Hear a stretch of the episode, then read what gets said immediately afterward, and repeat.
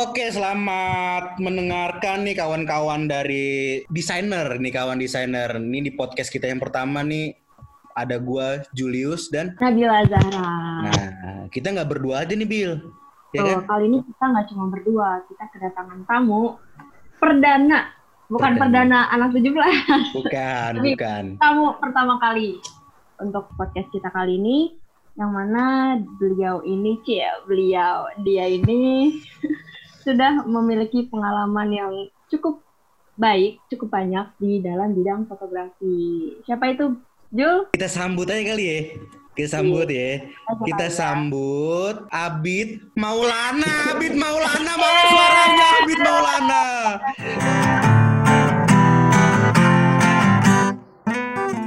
Maulana.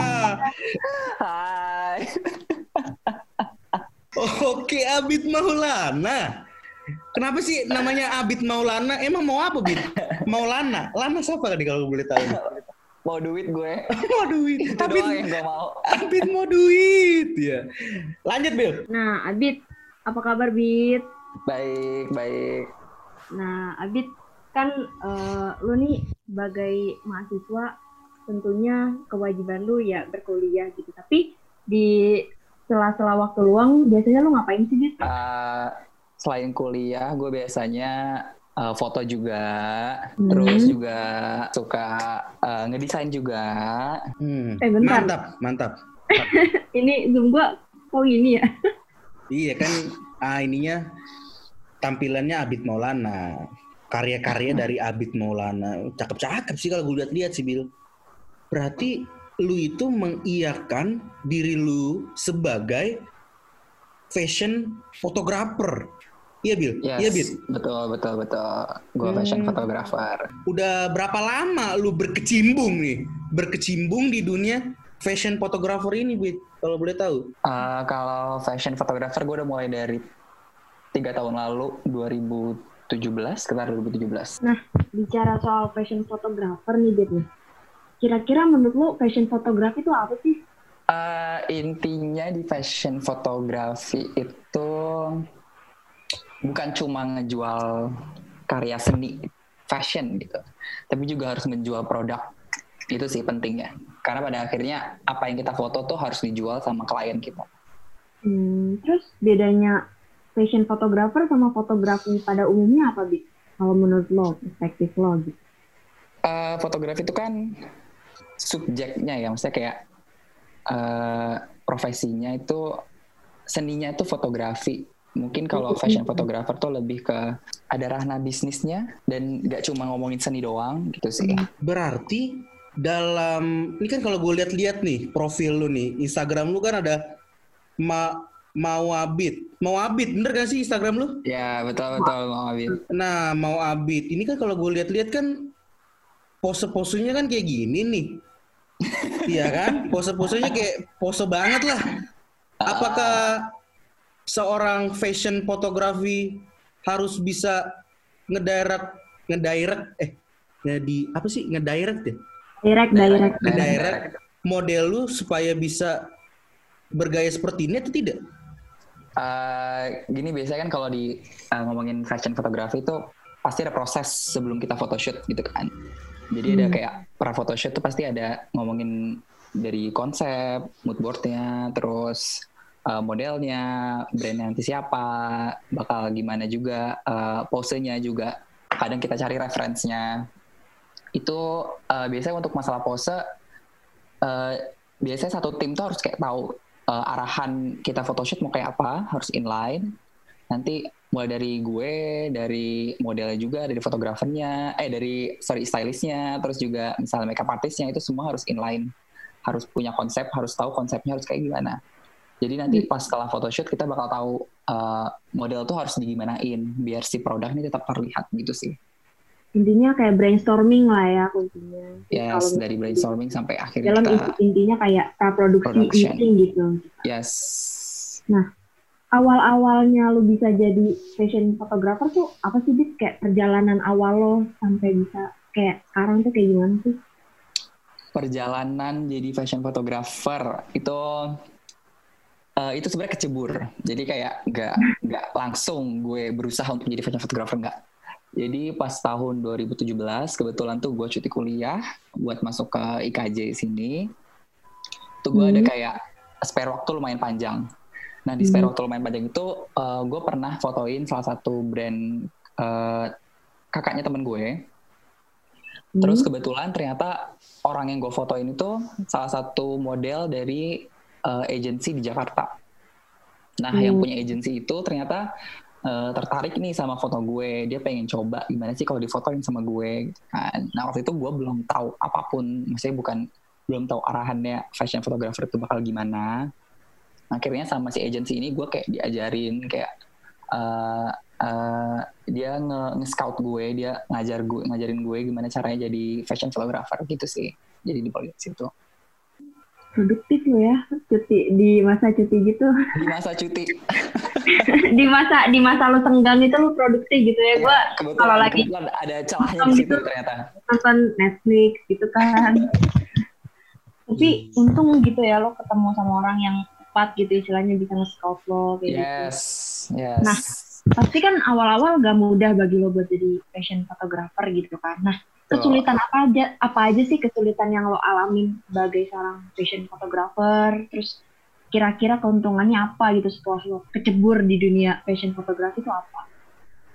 Kalau kesulitannya itu beda-beda ya. Cuman kalau dulu awal-awal tuh kesulitannya uh, ngerti prosesnya.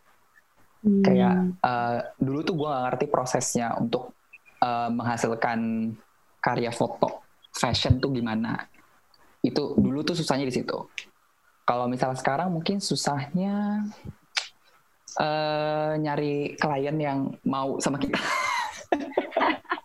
susahnya di situ. Aduh. Terus keuntungannya apa, Bit? Kayak setelah lo kecempung nih, oh gue jadi tahu ternyata ini begini, itu begitu. Gitu. Uh, keuntungannya ah, duitnya satu. Cuman nggak bisa bohong ya. Cuman nggak bisa, bohong, bisa bohong. bohong. Um, relasinya, relasinya. Jadi kayak uh, eh, gue tahu banyak orang, gue gue ngerti banyak hal baru dari situ. Itu yang kedua. Terus uh, banyak sih. Ya salah satunya itulah, satunya dua itulah, dua itulah. Berarti relasi sama dan duitnya. Duit, duit ngomong-ngomong soal duit nih. Kita kan pasti nggak bisa lepas dari duit. Duit, lagi-lagi duit, ya nggak sih? Ya nggak? Berapa sih seorang fot fashion photographer itu dibayarnya berapa ya nih kasarannya? Kalau boleh tahu kita nih ya. Tahu. tahu. Um, boleh, ya kasih tahu aja dikit lah. Kalau kita ngomong di Indo aja ya di Indo. Eh di Indo di Indo. Di Indo tuh uh, macam-macam sih. Kayak gue pernah denger uh, fashion photographer tuh dibayar sampai 35 juta satu proyek. Oh. itu pernah. Bukan uh, tiga semester ya? bukan. Pernah dengar harganya segitu. Itu hmm. adalah fotografer itu pokoknya. Uh, yang gratis juga ada sih. Jadi kayak semua desain tuh pasti ada gratis. Iya benar Pak dibayar dua M ya. Terima kasih Mas. Terima kasih Terima kasih Mas. gitu kan terima kasih. Satu teh gitu. Ini itu sakit banget sih kalau cuma dibayar sama dua M sama satu T. Iya kan? Tapi iya. gue percaya sih semua itu pasti ada prosesnya untuk mencapai kesuksesan, ya kan? Betul, nah, nih, ini dari pertanyaan dari sobat Instagram nih, ada yang nanya gini nih dari sobat Instagram, Bang, lu udah kerja sama brand mana sih kalau boleh tahu? Itu dari Arif Farizi. Coba. Serius nih yang nanya gitu? Serius, ini dari sobat Instagram. Masa bohongan. uh, kalau yang paling sering tuh mungkin uh, brand sepatu, brand sepatu, itu udah, itu udah project setiap bulan. itu project setiap bulan. Terus ada juga uh, brand batik, ada Amanda Hartanto Batik. Terus ada juga brand uh, pakaian lain tuh kayak Mazu, ada juga Merah Merah Studio. Kurang lebih itu sih yang, yang lumayan sering foto bareng. Nah, kalau lo udah berkecimpung gini otomatis lo punya link dong seperti yang lo Hmm. bilang lo berarti kenalan dong sama fotografer-fotografer lain gitu pernah nggak sih kayak ngobrol gitu sama mereka berbagi pengalaman berbagi kisah gitu Oh pernah banget dong kayak eh, nyeritain gitu mereka struggle-nya mereka tuh gimana pas awal-awal jadi fashion photographer. Terus kayak eh, ngomongin harga juga ada pernah tuh. banding bandingin Kayak harga lo berapa? Waktu itu ngasih harga gue segini. itu itu pernah juga. Terus kayak eh, stylenya dia tuh sukanya arahnya ke mana gitu. Ada sih. nah ngomongin soal style biasa kan tiap fotografer punya ciri khas masing-masing dong Mm-mm. ya kan nah lo ngerasa nggak sih lo punya ciri khas itu kalau lo ngerasa lo punya ciri khas tuh apa gitu atau enggak mungkin gue belum punya ciri khas tapi gue pengen foto gue seperti ini ada nggak sih gitu Hmm. Mungkin kalau ciri khas eh, gue tuh mungkin lebih gue lebih mengarah ke arah itu gitu. Bukan yang ciri khas yang selalu foto, selalu kayak gitu enggak. Karena eh, fashion photographer tuh eh, pada akhirnya bakal eh, menuruti kebutuhan klien. Hmm. Kalau gue pribadi, ciri khas yang gue suka, misalnya kayak apa yang pengen gue hasilkan tuh selalu ke arah eh, sesuatu yang dark gitu kayak agak gelap-gelap gitu kan, agak serem-serem gitu, menakutkan gitu. Gue tuh suka yang kayak gitu. Gitu kan. Terus gue juga suka kalau eh, seorang model kayak perempuan, mostly yang gue foto itu selalu mendominasi. Asik. wow Itu, itu gue suka di situ. Gue suka Ah. perempuan gue yang gue foto tuh selalu mendominasi gitu. Enggak lo nggak lihat perempuan yang lemah-lemah, menye-menye gitu menye-menye ya, yang nggak bukan berarti itu jelek, cuman kayak bukan style gue. bukan Kalau- style bukan style gue ngelihat perempuan yang terlalu poise gitu, enggak. No, not my style. Asik. Soal model. Soal model nih biasanya kalau misalkan lo nyewa model gitu profesi itu lo yang nyewa atau pihak brandnya sih? Eh, tergantung. Biasanya eh, biasanya tuh kalau masalah model ada brand yang dia udah punya model yang dia mau, ada juga brand yang nanya ke timnya kayak kira-kira brand yang apa model yang cocok siapa. Jadi tergantung tergantung brand sih. Ini kalau gue lihat-lihat si Abid ini emang luar biasa nggak sih? Passionate ya kan iya kan? kecebur Dari kecebur eh doyan gitu iya cebur-cebur, kejeburnya ke ini, ke susu, jadi enak gitu loh. Lakin kalau gua kan kecebur, ya Sinte, Sinte, cebur. Itu belakang lo tuh. Belakang lo tuh. kuburan ya kan? Background gue kan kuburan nih. Jadi kayak kejebur gue yang kejebur yang haram-haram lah. Gue pengen banget nih kejebur yang enak-enak seperti Abid Maulana ini. Oke nih lanjut dari pertanyaan sobat Twitter nih kan? Sobat Twitter. Ini serius gak sih lo nanya di Twitter gimana? iya sobat Twitter nih. Sobat Twitter ada yang nanya gini. Bang selama lu jadi fashion photographer nih apa sih kendalaan lu terus lu nggak suka nih kalau gimana gimana gitu Kendala. Hmm. yang bikin lo Ah. mungkin capek atau kesel gitu sama nih bidang tapi lo butuh gitu di itu. Butuh duit ya.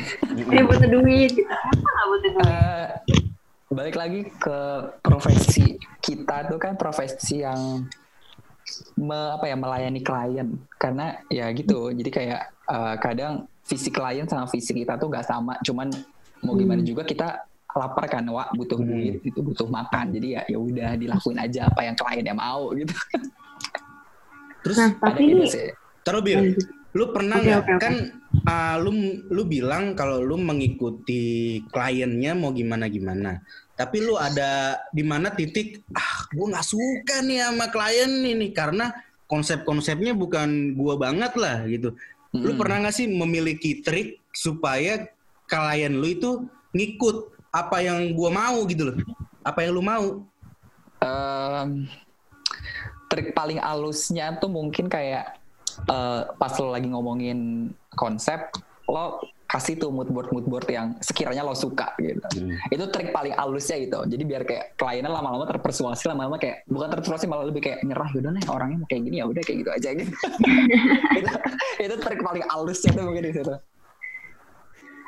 Nah Pernah tapi ada nggak sih? Iya Pak Bil Bil Bil. apa gue nih? Ah. Enggak gue satu lagi nih satu lagi satu lagi satu lagi. Ya udah deh ya udah ya udah. Enggak, lu pernah gak sih udah lu kasih mood board, terus dia nggak nggak kekeh-kekeh nih kliennya, Terus lu kayak Batu gitu ya. Iya, batu. Terus lu make tipe-tipe kayak beli di pasar induk kayak, ya udahlah, gua Nawar-nawar. gua gua nggak mau. Terus lu kabur, eh dipanggil lagi. Ya udah Mas, Mas, Mas. Ayo sini sini sini.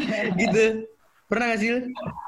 Eh, enggak, maksudnya kayak eh gue akhirnya pergi gitu kan, Mm. apa dari proyeknya mundur gitu, enggak Mm. sih kalau misalnya gitu kayak eh, nggak profesional sih kalau tiba-tiba mundur cuma gara-gara nggak apa namanya nggak suka konsep, jadi ya kalau gue sebisa mungkin ya ya udah lakuin aja yang konsep yang si empunya brandnya mau gitu.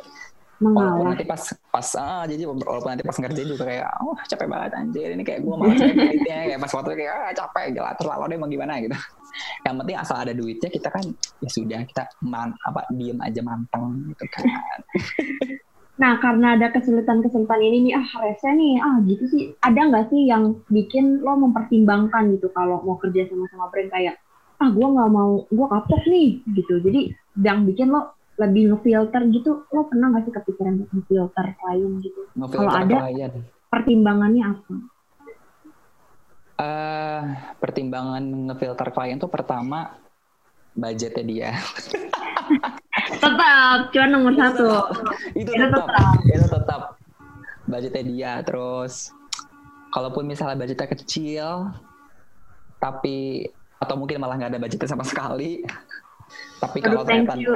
Ah, kalau ternyata nama dia gitu nama nama si siapa yang gue foto itu ada namanya jadi ya kalau gue kenapa enggak gitu Hmm. kalau gue di situ Exposure. Ah, ah, exposure Tapi kan. kalau lo dibayar pakai exposure mau nggak? ya itu balik tergantung tergantung siapa tergantung siapa tergantung siapa yang mau ngasih exposure Oh, Berarti Karin kalau gitu nggak? eh Aukarin coba Bil. sebut sebut Boleh lah. Nggak apa-apa. Karin. Eh, Mungkin no Anya shade to her no shade to her gitu Oh, Anya Geraldi? Eh, gua gua bukan tipe orang yang begitu eh, peduli sama tren influencer asik asal kalau gue bukan tipe orang yang peduli sama tren influencer jadi kayak kalau influencer pengen foto sama gue tapi cuman mau barter exposure kayaknya gue bukan tipe yang mau ngambil gitu sih. Lu pernah nggak Kat, dari tadi lu menceritakan dari dari brand calling ke lu, dari brand calling ke lu. Pernah nggak dari Hmm. modelnya sendiri? Eh, Bit, fotoin gue dong. Dari Oh iya. Jadi gini, eh, biasanya di eh, fashion fotografi itu ada juga namanya test shoot. Test shoot itu Hmm. biasanya kayak eh, itu semacam kayak barter exposure atau enggak semacam eh, apa ya? Nambah portofolio kayak di Hmm. dunia desain juga gitu kan kayak banyak suruh nambahin portofolio gitu biar klien klien di kemudian hari itu tahu style kita kayak apa, foto kita kayak apa itu ada namanya kalau di fashion photography itu namanya test shoot. Jadi kayak di situ biasanya eh, kita semua di tim tuh nggak ada yang dibayar, tapi kita punya visi yang sama. Kita punya Hmm. visi yang sama. Jadi kayak kita menghasilkan karya gitu. Itu Ber- ada sih pasti. Berarti ya lu sikat lah ya kalau kalau seperti Mm-mm. itu ya. Eh tergantung modelnya siapa, timnya Iya. siapa, modelnya siapa tergantung. Ya kalau modelnya juga. Iya, berarti kalau model nggak menjual, ah buat apa gue foto ya kan? Hmm, kalau gue nggak suka, jadi ya mendingan nggak usah daripada setengah hati kan kerjainnya. Hmm, hmm. Hmm. Tapi ada nggak sih nih? Jadi ya ah, si model ini ujuk-ujuk minta bantuan lu lah buat foto ya kan? Terus udah, udah, udah pergi, udah ada maunya, terasana dia pergi nggak minta tolong apa-apa lagi sama lu pernah nggak sih kayak gitu? Model kayak gitu? Ah, kalau model yang kayak gitu enggak sih kayaknya. Kalau brand, kalau brand, eh, brand nggak pernah juga. Oh pernahnya cuman kalau brand itu biasanya kayak cuma nanya harga doang, habis itu nanti pergi gitu. Kalau nggak cocok udah gitu. Oh nggak gitu. cocok, nggak Ah, cocok. biasa gitu. Kan kalau dia udah nanya harga tuh berarti mereka udah cocok sama fotonya kan. Tapi kalau Mhm. udah nanya eh, tahu harganya berapa terus mereka pergi berarti mereka nggak cocok sama harganya gitu. Iya bener. Udah tadi ngomongin harga mulu. Emang harga lu berapa? berapa, berapa ya harga lu? Boleh dong kita share. Gak Aduh, boleh. Nggak usah lah, nggak boleh lah, nggak usah. Ah, main digit ya, main digit, main digit, main digit, main digit, main digit. jangan dipaksa Ah. dulu. Di atas UMR lah gitu pokoknya Iya, gitu. alhamdulillah. Oh, di atas UMR. Ini dari tadi kan kita ngomong dibayar exposure, exposure. Ini kan awam nih buat pendengar podcast kita. Apa sih Oh. maksudnya dibayar exposure gitu? dibayar pakai Cahaya. ah, bukan Dibayar ya? pakai- apa bahasa Indonesia nya Followers, followers intinya gitu. Eh, kayak followers kayak dibayar pakai nama gitu loh Apa ya? bayar- Publikasi, dibayar pakai publikasi gitu kali nah ya. ya publikasi betul betul betul dibayar pakai publikasi Jadi kayak dipromoin gitu loh. Ah, ini brand gue udah terkenal banget nih kayak semua artis semua eh, menteri misalnya pakai brand gue gue mau foto sama lo tapi gue nggak punya gue nggak mau bayar lo gitu gue bisa bayar lo cuma pakai exposure gitu misalnya misalnya Oke. gitu Iya, iya. Gimana, Bill? Bill, coba tanya lagi, Bill. Lanjut ya, dari tadi nih lu kayaknya cerita asik banget gitu. Nah, ceritain dong pengalaman yang paling lo inget gitu, yang paling membekas gitu selama lo jadi fashion photographer tuh apa sih? Hmm, Kan kita kepo juga gitu kan, kayak ada nggak sih hal-hal yang sampai kok inget anjir gitu. yang keinget banget mungkin bukan waktu itu belum jadi fashion photographer maksudnya masih Hmm. fotoin Ah, ngomongin pas fotografi ya kali ya bukan Hmm, fashion photographer. Tapi fashion photographer sih. Ya pokoknya gue cerita dulu deh. Jadi dulu em, pas awal-awal gue berkarir asik berkarir, Hey, berkarir. Makan uhuy. pas awal-awal nyemplung itu, pas awal nyemplung itu pernah ada eh, desainer gitu dia minta difotoin buat eh, profile di ya Hmm. foto-foto foto dianya sendiri buat masuk majalah waktu itu. Eh, mungkin lagi nggak hoki aja itu si desainer tuh lagi bad mood aja mungkin itu di selama foto kayak dia tuh ngerasa, wih gue jelek banget ini jelek banget gue begini jelek jelek jelek jelek jelek." Setiap kali- gitu. setiap kali setiap kali foto yang gue eh, foto gitu dia selalu ngerasa "Ay, jelek jelek coba dari sana dari sana dari sana dari sana gitu terus kayak Oh, ah, selama foto kayak vibesnya gak enak banget gitu lah terus di situ gue kayak dikata-katain gitu kayak jelek dia dari sini dari sini jadi kayak sampai sekarang kalau udah kayak gitu kayak lah. "Ah," gitu Itu Gak mau lagi tuh sama dia. Eh, untungnya sekarang malah jadi temenan Oh ya? sekarang malah jadi temenan Wah, jadi kepo.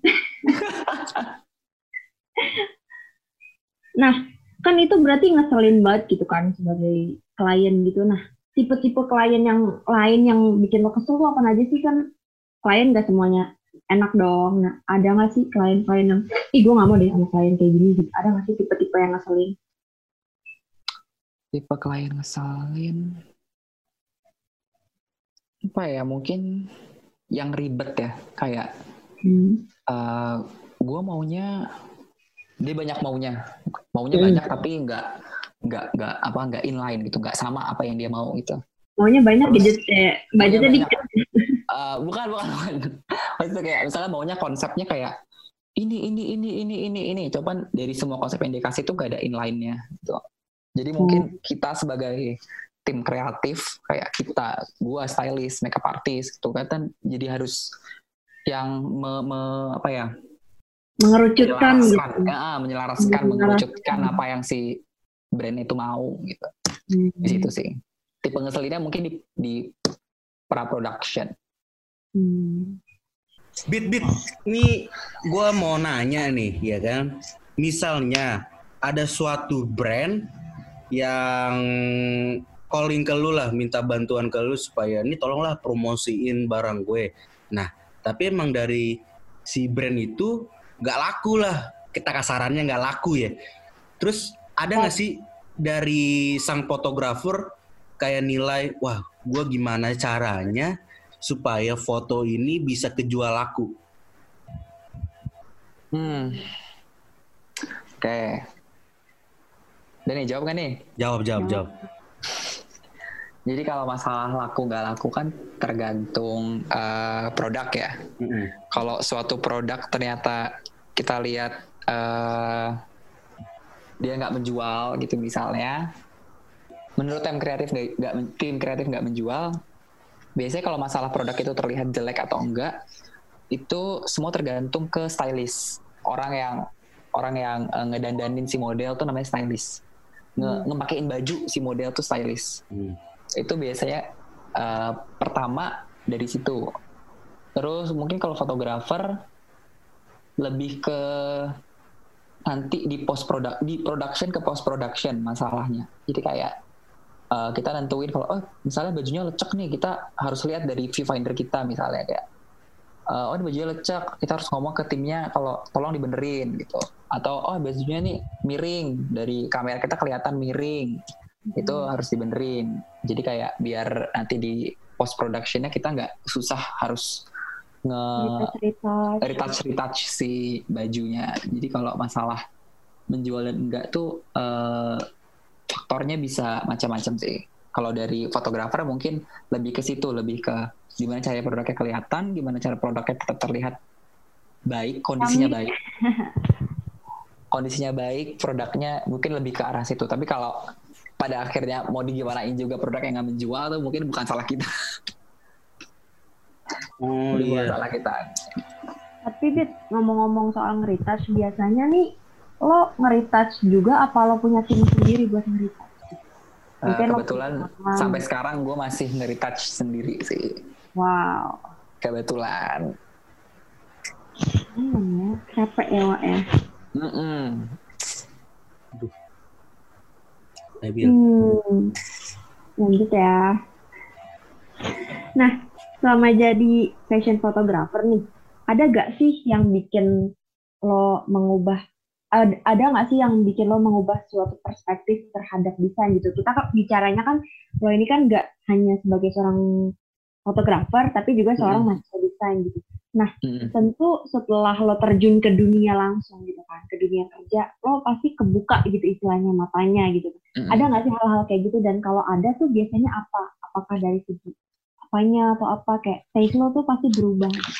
Uh, kalau gue pribadi uh, mungkin karena di fashion tuh selalu ngomongin mewah, mahal, kelihatan menjual gitu kan. Uh, jadinya mungkin untuk dalam ranah desainnya gue selalu terpaku sama kata-kata ih ini nggak mewah ini nggak kelihatan mahal gitu. Mungkin jadinya uh, arahnya bakal selalu ke sana setiap kali gue ngomongin uh, desain gitu sih terus masalah menjual itu jadi kayak harus setiap kali gue mendesain harus gue pikirin apakah apa yang gue desain tuh bakal menjual bakal uh, sampai ke orang yang uh, apa namanya yang bakal melihat desainnya mungkin hmm. lebih ke arah situ sih kalau misalnya nih kan bicara soal fashion pasti mewah mahal gitu nah mm -hmm. ketika lo dihadapin sama brand-brand yang istilahnya emang segmentasinya tuh menengah ke bawah lo mm -hmm. berani nggak gitu ke arah situ gitu kan? Karena kan kalau gue lihat-lihat dari portofolio lo gitu kan itu sebenarnya wah mewah banget nih ini pasarnya ke atas semua nih gitu. Lo pernah nggak sih pengen coba gitu? Uh, pernah dapat brand yang uh, biasa aja gitu, maksudnya tidak hmm.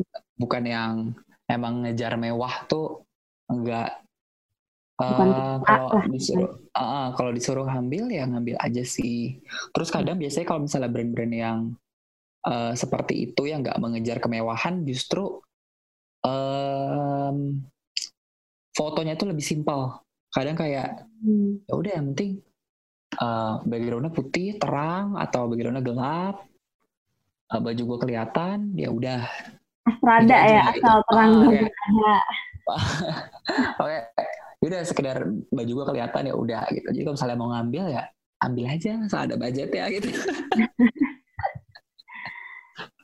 Menurut lo nih, sepenting apa sih sebuah sebuah foto dalam dunia desain grafis gitu? Apakah foto-foto tersebut bisa mempengaruhi lo dalam mendesain atau gimana? Uh, menurut gue foto tuh bisa mempermudah visual. Menurut gue kayak elaborate, elaborate. Ah, jadi kayak visual tuh mungkin menurut gue lebih mudah diterjemahkan melalui foto dibanding melalui tulisan gitu kan. Hmm. Menurut gue sih ke situ. Lebih mudahnya di situ. Orang bakal langsung dapat gitu apa yang mau dia lihat saat dia melihat gambar atau foto dibanding dia cuma melihat tulisan. Menurut gue sih foto itu bahasa universal gitu ya. Hmm. Kalau lebih sederhana gitu.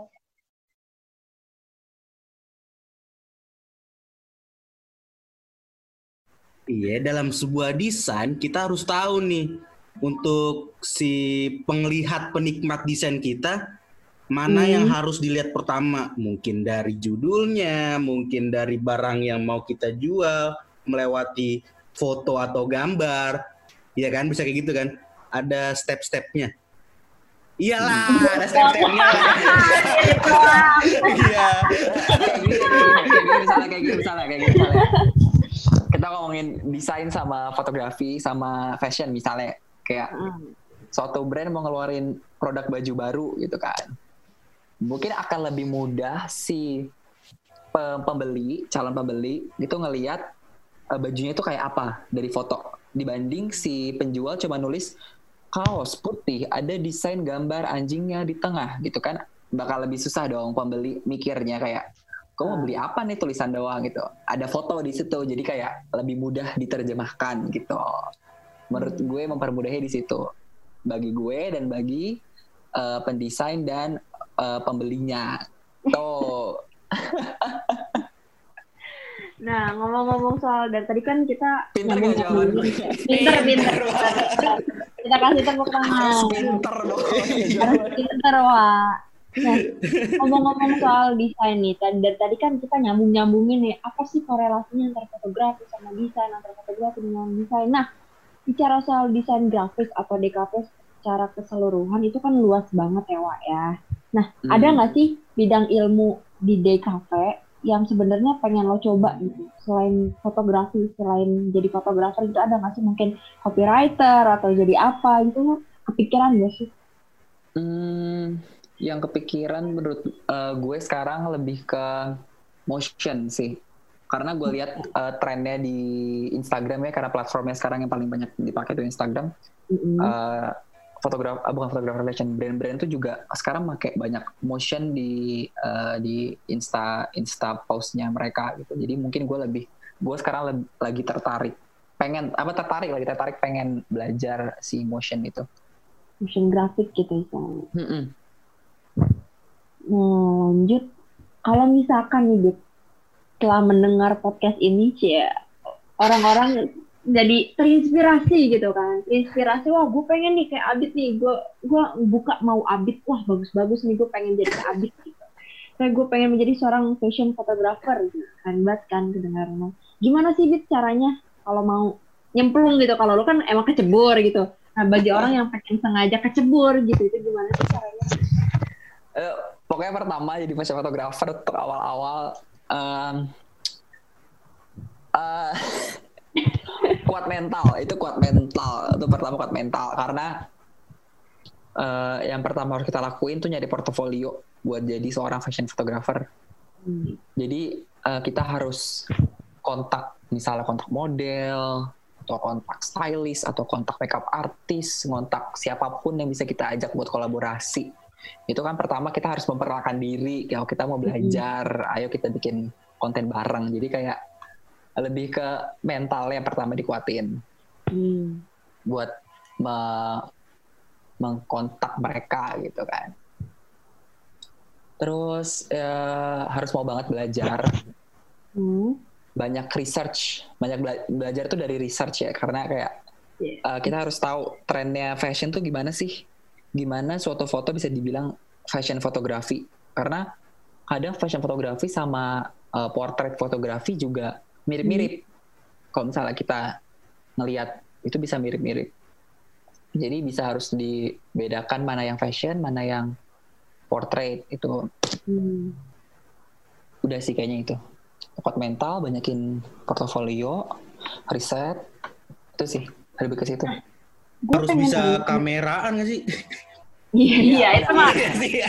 Kira-kira mau jadi fotografer alatnya kamera cuy. Iya. Duit lah ya, duit. Harus uh, nah, oh enggak bukan masalah duit kalau kamera jangan ngomong gitu. Jadi kayak gue selalu punya punya uh, quotes inspirasi quotes dari uh, fotografer pro asik. Itu dulu dulu. Jadi gue pernah uh, awal-awal gue ngambil foto tuh kan pasti kita mikirnya kayak ih kameranya bagus, ih lensanya bagus, ih gear dia bagus banget nih foto dia bagus karena gearnya itu. Dulu pas awal-awal pasti semua fotografer awal-awal berpikiran seperti itu kan.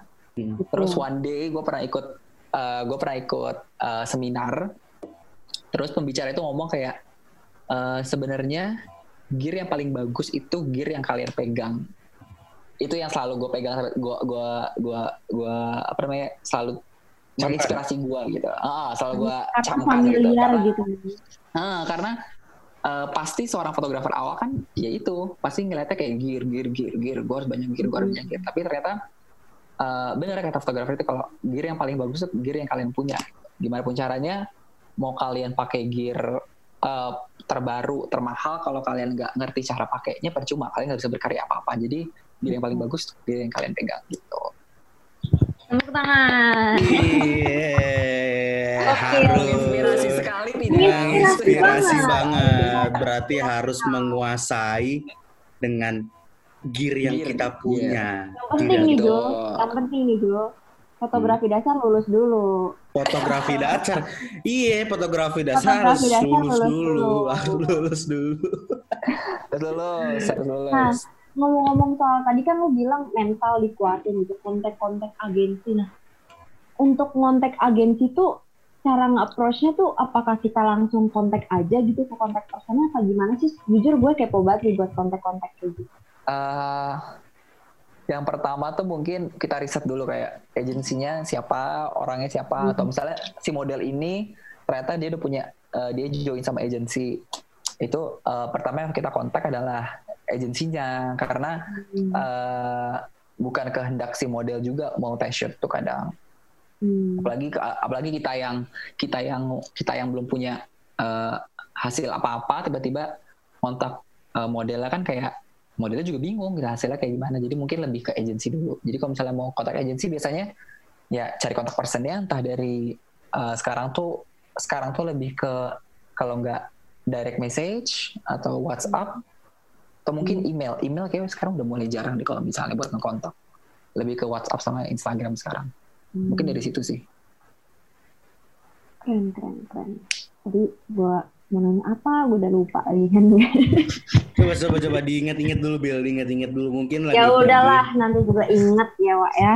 Iya, nah, iya friend. jadi kan kalau mau jadi fashion fotografi cara-caranya kuatin mental terus jadi apa tadi harus bisa harus harus bisa ngedirect riset riset riset riset, riset. riset. riset. harus up to date dengan tren-tren fashion masa kini. Nah, uh. kira nih kalau misalkan wah gue udah sering riset kok, gue udah udah berani istilahnya uh, public speaking gue udah bagus gitu, gue udah tahu gimana cara ngomong sama pihak agensi gitu misalkan. Nah, mm -hmm. tipsnya nih ketika seseorang udah baru terjun, tips-tipsnya itu apa aja sih? Hmm. Ada nggak? Apa tips-tipsnya ya udah nah. sikat aja semua buat portofolio ya dulu atau gimana ya, kalau orang sih beda-beda ya kalau orang beda-beda ya. gitu kan ada juga yang kayak gitu ada yang nanti gue porto dulu gue gak mikirin duitnya bakal gimana gitu cuma pada akhirnya nanti duitnya bakal habis cuy kalau misalnya lu cuma nyari portofolio karena uh, test shot itu pasti uh, ngeluarin duit yang enggak sedikit sedikit pasti pasti ada nominal yang harus lu keluarkan untuk setiap kali lu mau test shot itu pasti ada mungkin tips dari gue ya mungkin mulai dari standar dulu kali ya kayak mm-hmm. foto yang misalnya muka doang, portrait yang wajah gitu yang nggak perlu di studio nggak perlu pakai baju mahal-mahal mungkin dari situ kayak kalau bisa uh, bisa dibuild dari situ dari yang mudah-mudah dulu sampai nanti tiba-tiba yang berkonsep nih kayak gue mau konsepnya si modelnya lagi terjun payung gitu. Itu nanti jangan nanti, jangan nanti. langsung tiba-tiba ke sana gitu. Mungkin yang sadar-sadar dulu. Terus sih tipsnya mungkin itu. Tadi ngomongin soal potret. Nah lo sempat ngomong kan beda ya potret fotografi sama fashion fotografi. Kalau boleh tahu nih saudara Abid apa sih uh, bedanya? Karena jujur gue sendiri kayak nggak uh, bisa beda gitu kadang kalau portrait itu menjual orangnya, hmm. kalau fashion fotografi itu lo menjual pakaiannya, gitu. Intinya gitu. Nah, kalau mau gampangnya. Gimana caranya sebagai seorang fotografer kita pengen ngasih tahu nih ke orang-orang kalau yang kita jual tuh fotografi, eh foto apa namanya fashion. produknya gitu fashionnya karena yeah. gue sempat baca-baca gitu kan ada pengalaman di Instagram gitu seorang selebgram dia menjual satu produk gitu kan. Hmm. Cuman si yang punya brand ini dia malah nangkep ngejual orangnya gitu, ngejual badan gitu istilah kasarnya. Gitu. Mm-mm. Tentu hal-hal tersebut pengen dong kita apa namanya kita minimalisir gitu supaya kesalahan-kesalahan kayak gitu tuh nggak keulang. Ada nggak sih kira-kira supaya orang-orang tahu yang kita jual itu produknya bukan modelnya. Mm-mm. Em, kalau itu bisa dengan mudah. Pertama, si baju harus jelas. Misalnya kita jualan kaos. Eh, kalau kita lagi ngomongin fashion ya berarti si kaos itu harus kelihatan jelas bentuknya kayak apa, warnanya kayak apa, desainnya seperti apa, itu harus kelihatan. Misalnya kayak eh, caranya bisa di bisa bisa dengan eh, pose modelnya kita arahin gimana sih biar si kaos kelihatan atau angle dari kita misalnya kita mau eh, angle dari kita misalnya kayak oh agak bawah sedikit atau agak atas sedikit atau agak samping sedikit biar si kaos tuh kelihatan gitu. Kalau misalnya ngomonginnya ke portrait ya eh, bisa aja nanti si model duduk gitu, duduk yang kayak lututnya naik sampai nutupin kaosnya itu jadinya nggak bakal kelihatan dong kaosnya bentuknya kayak apa. Hmm. Jadinya kita nggak menjual bajunya. Itu sih. Iya. Lebih ke directing ya ketika di Ah, ah, lebih ke direct.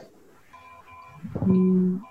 Keren, keren, keren. Berarti harus nge belajar gimana cara untuk ngedirect modelnya itu sendiri. Hmm. Betul. Pertama kali lo ngedirect tuh berarti pas 2017 itu ya gitu. Eh, itu juga gue masih di direct kalau 2017 tuh gue juga masih di direct gue masih diajarin gini caranya kayak gini modelnya harus diginiin lo coba dari bawah lo coba dari atas lo coba dari samping lo coba dari kanan atas bawah kanan kiri gitu pokoknya. Itu gue juga di fase itu masih 2017 Kesulitan saat ngedirect tuh kayak gimana sih? Kan kalau kita bicara soal direct kan ini tektokannya juga sama dunia art director gitu kan, art directing. Nah, ketika lo ngedirect itu kan lo nggak cuma eh, tektokan sama stylist sama apa, tapi juga sama model. Dan yang gue lihat Mm-mm. Gak jarang model lo tuh orang luar negeri gitu, orang Rusia lah, Antonina lah, siapa lah. Ada Mm-mm. nggak sih kesulitan-kesulitan saat ngedirect? Eh, kalau sama bule bahasa itu bakal sulit karena kadang bahasa yang kita mau kayak eh coba ngejengkang gitu bahasa Inggris apa sih betul. Gak ada yang, Oh, gak ada yang ngejengkang tahu gitu. Ngejengkang bahasa Inggrisnya apa cuy gitu kan. Bahasa Rusianya lagi apa gitu kan. Hmm. Jadi mungkin paling gampang kayak itu. Pra production kita udah cari mood board. Nanti kalau emang kita nggak ngerti bahasanya apa, kita tinggal tunjukin aja nih kayak kayak gini. Coba lu pose kayak gini ikutin. Gue mau lihat. gitu. Cara gampang tuh kayak gitu. Atau enggak kita sebagai fotografer yang niku, apa yang yang pose dulu nanti dia suruh ngikutin kita gitu itu cara gampangnya mungkin dua itu Kalau lo ngejengkang, dia ngejengkang gitu. Jadi Ah, ngejengkang. kayak gini pokoknya kayak gini tangannya taruh di belakang lo misalnya. kayak gitu iya ya harus pakai gerak tubuh juga ya. Ah, cara gampangnya Oh, oh, lumayan. gini, gini gini pokoknya gini, gini. Iya, tangan tangan belakang, tangan di belakang, tangan di belakang, pala ngedongok, pala ngedongok gitu Iya, ya. gini ditarik gitu pak Iya. Aduh, keren banget nih Abid Maulana Keren nih sebagai banget. narasumber nih. Keren, keren, keren, inspiratif. Nah, mungkin pertanyaan terakhir dari gue gitu ya. Hmm. Nah, sebagai seorang eh, fashion photographer, cita-cita lo kayak visi lo ke depan, lo mau seperti apa sih, Dik? Kira-kira lo membayangkan diri lo? ada cita-cita gue dari dulu jadi fotografer Apa? cita-cita gue foto gue dipajang di store-nya Alexander McQueen di seluruh dunia. Udah, itu cita-cita gue. Oke, buat para pendengar Alexander McQueen, cobalah. Cobalah Alexander McQueen dipakai nih Abid Maulana IG-nya Eh, nanti Tolong, tolong pakai gue. iya, IG-nya nanti akan kita kasih di deskripsi podcast kita. Mungkin di kontak lah ya. Alexander McQueen. Itu kalau boleh Oh, tahu serem, serem, Wak. serem, Wak. Itu desainernya udah mati. udah mati. Sebenarnya udah mati. Desainernya udah mati. ya. Desainernya udah mati. Desainernya udah mati. Iya. Brandnya masih ada, desainernya udah mati. Kalau dikontak sama sama desainernya brandnya enggak sama, sama Oh, iya. brandnya gitu ya kan tapi kalau boleh tahu nih Alexander McQueen ada saudara apa sama Lightning McQueen Lightning yang satu orang satu ro itu ya Pak? Pro mobil, mobil. Nggak ada ya, nggak ada ya, nggak ada. Mungkin ada nanti. Coba siapa tahu di Cars selanjutnya, Cars 456 di, diceritain. Nggak ada yang tahu. Alexander McQueen. Apa yang bawa Lightning McQueen Alexander? Iya kan? Iya. Itu kan kita belum tahu ya. Mungkin nanti kita tunggu. Namanya Alexander gitu. Di, kita tunggu aja di Cars selanjutnya. Cars 456. Bukan di Lima. podcast kita selanjutnya ya. Ajir nih buat para pendengar, sobat desainer nih khususnya ya kan. Betul. Ini kan podcast yang sangat menarik dalam sebuah desain. Desain apa aja ada di podcast ini ya kan. Mau ngomongin Betul. soal font, soal fotografer, fotografi, mau soal layout per layoutan, nanti bakal kita bahas di podcast ini. Jadi stay tune Jangan aja, stay tune. Iya stay tune, Gitu. tetap di podcast kita. Ini terima kasih buat Abid Terima sebagai kasih buat Abid, Abid narasumber. Maulana. Iya ya. Terima kasih buat Udah Oh ya sebelum penutup nih, sebelum penutup, lu punya quotes yang bisa lu bagiin nggak buat para pendengar? Gitu. Kata-kata mutiara. Kata-kata Mutiara. Jadi butuh pencerahan nih, Bid. Apa ya? Kira kata-kata mutiara di Gue karang. nyari, gue nyari caption gue di IG dulu. Coba, coba, coba, coba. Soalnya nanti pendengar ini kan pasti ngedengar nih kan. Terus langsung, Mm-mm. wah gue mau nih. Ini quotes yang dibilang Abang Abid bisa gue terapin dalam kehidupan gue sehari-hari gini nih. Kita kasih Dulu, waktu. aduh, mau, na- mau nangis, mau nangis. Ini pertanyaannya lebih susah dari yang sepenting apa fotografi ya. Iya, ini. Susah. Ini susah. Ini susah. Ini ini kesusah pertama nih. Quotes bangsat anjir. Julu mau bunuh gue ya? Enggak dong. Sebuah moto hidup. Abe, udah ada belum? Simpel Gak aja, simpel. ada sih. Gak pernah ada sih. lu nggak bisa ngasih tahu quotes lu ke orang lain gitu. Kayak, kayak gue ya, gue nih. Ini quotes gue nih buat para pendengar podcast gue nih. ya. Ini quotes gue dalam hidup gue nih. Tahun dicamin. Desain grafis. Desain grafis is fun. Ah, itu po- itu tagline dalam hati gue. Gimana caranya? Itu, itu tagline dalam hati atau motivasi biar lulus semua matkul. Bukan, Baik. itu tagline kampanye HMD ya. Oh yang menang itu. Oh yang Oh, yang menang, menang gara-gara itu. itu. Yang menang Iya. abang-abangan itu. Gara-gara kepilih jadi gara-gara itu. Quotesnya. is fun. DG is fun kalau gue rasa. Apa ada nggak? Kalau yang ter- berkaitan sama fotografi nggak ada. Nggak ada, nggak ada. Nggak usah, nggak usah berkaitan dengan fotografi, nggak usah. Kalau berkaitan sama hidup, asik. Boleh. Ini ini quotes yang selalu gue pikirin eh, dari gue nyebutin nggak sumbernya siapa? Gak usah, ini kan lu yang buat quotes. Oh oh nggak ada nggak ada kalau gua ada. Oh, ada. berarti Abid nggak bisa buat quotes ya? Abid nggak bisa. Udah bukan quote yang yang yang yang ber- yang quote yang bikin lo berpegang teguh deh nggak apa-apa deh. Iya, Ada quotes yang berpegang teguh. Tadi kan udah quotesnya dari siapa tuh? Iya, nggak tahu Jadi- senior fotografer gue lupa. Iya, senior fotografer dia mengatakan, ya lu kuasai aja dulu gear lu, itu keren lah. Maksudnya, maksudnya lu bisa menguasai gear lu dengan Bukan, baik. Gini gini. Coba, gear coba, yang gimana? paling bagus itu gear yang kalian punya itu. Gear yang Betul. paling bagus yaitu gear yang kamu punya.